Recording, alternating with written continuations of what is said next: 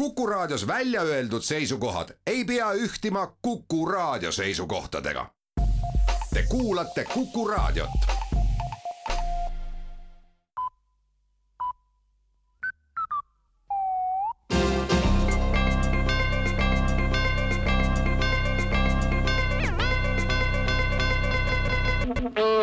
tere kuulajatele, uudistega eetris Rohke Debelak valitsus annab teada, et kired Nursipalu harjutusala laienemise teemal on arusaadavad, samuti on loodetavasti arusaadav inimestele ka harjutusala laienemise vajalikkus. Nursipalu harjutusala ei ole mitte ainult militaartähtsusega, vaid sellel harjutusalal harjutab riik, kuidas suhelda oma kodanikega, kuidas suhtuda nende õigustesse, kas kaasavalt ja hoolitsevalt ja õiglaselt või kasutada jõupositsiooni viimase kolmekümne aasta jooksul on riigil tulnud käigu pealt õppida, nüüd on aga olemas spetsiaalne harjutusala, kus riigiks olemist harjutada.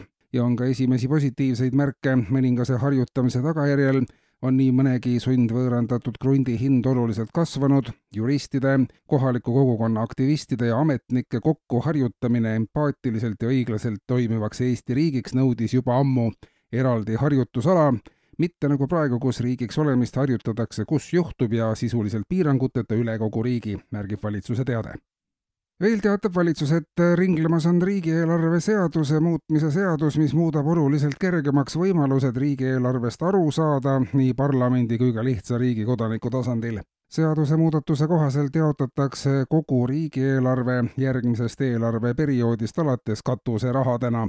siis on iga saadiku või laiemalt erakonna otsuste taga ka konkreetne adressaat, kes ja kui palju raha ja mille eest sai või ei saanud üldse midagi. senine umbmäärane ja üldsõnaline kulude seletus kaob. Katuseraha suurus, mida jagada, on erinevatel erakondadel erinev ja see sõltub kohtade arvust Riigikogus. nii on suurema populaarsusega poliitilisel jõul võimalik riigile rohkem head teha ja läbi selle hea tegevuse ka oma populaarsust taas kasvatada, märgib eelnõu seletuskiri. Riigikogu juhatus aga andis täna hommikul teada esimestest koondamistest Riigikogus. riigireformi ja eeskätt keeruliste majandusolude valguses on koondamine loogiline asjade käik ka Riigikogu puhul, sest nii mõnegi parlamendiliikme vajadus on küsimärgi all kõikidele Riigikogu liikmetele ei jätku enam tööd ning tööpuudus kummitab üha tõsisemalt iga päevaga paljud Riigikogu liikmed saavad vaid äh, väikeseid tööotsi ja on oodanud mingisugustki tööd juba pikki kuid. peagi võib kätte jõuda olukord, kus tuleb koondada pool Riigikogu liikmetest ning kogu parlamendi saatmine sundpuhkusele võib aset leida järgmise aasta suvel ja ka spordist. Kataris toimuvatel jalgpalli maailmameistrivõistlustel on mitmel korral aset leidnud anomaalseks peetud olukord, kus staadioni täituvuseks on märgitud kuni sada kaksteist protsenti ja samas on tribüünidel näha hulgaliselt vabu kohti.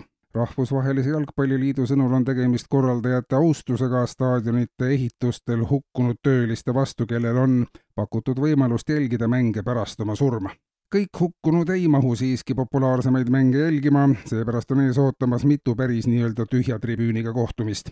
järgmine jalgpalli MM-turniir korraldatakse FIFA sõnul Põhja-Koreas, kus korraldajad ei lase läbi enam ühtegi eksimust kuulsite uudiseid.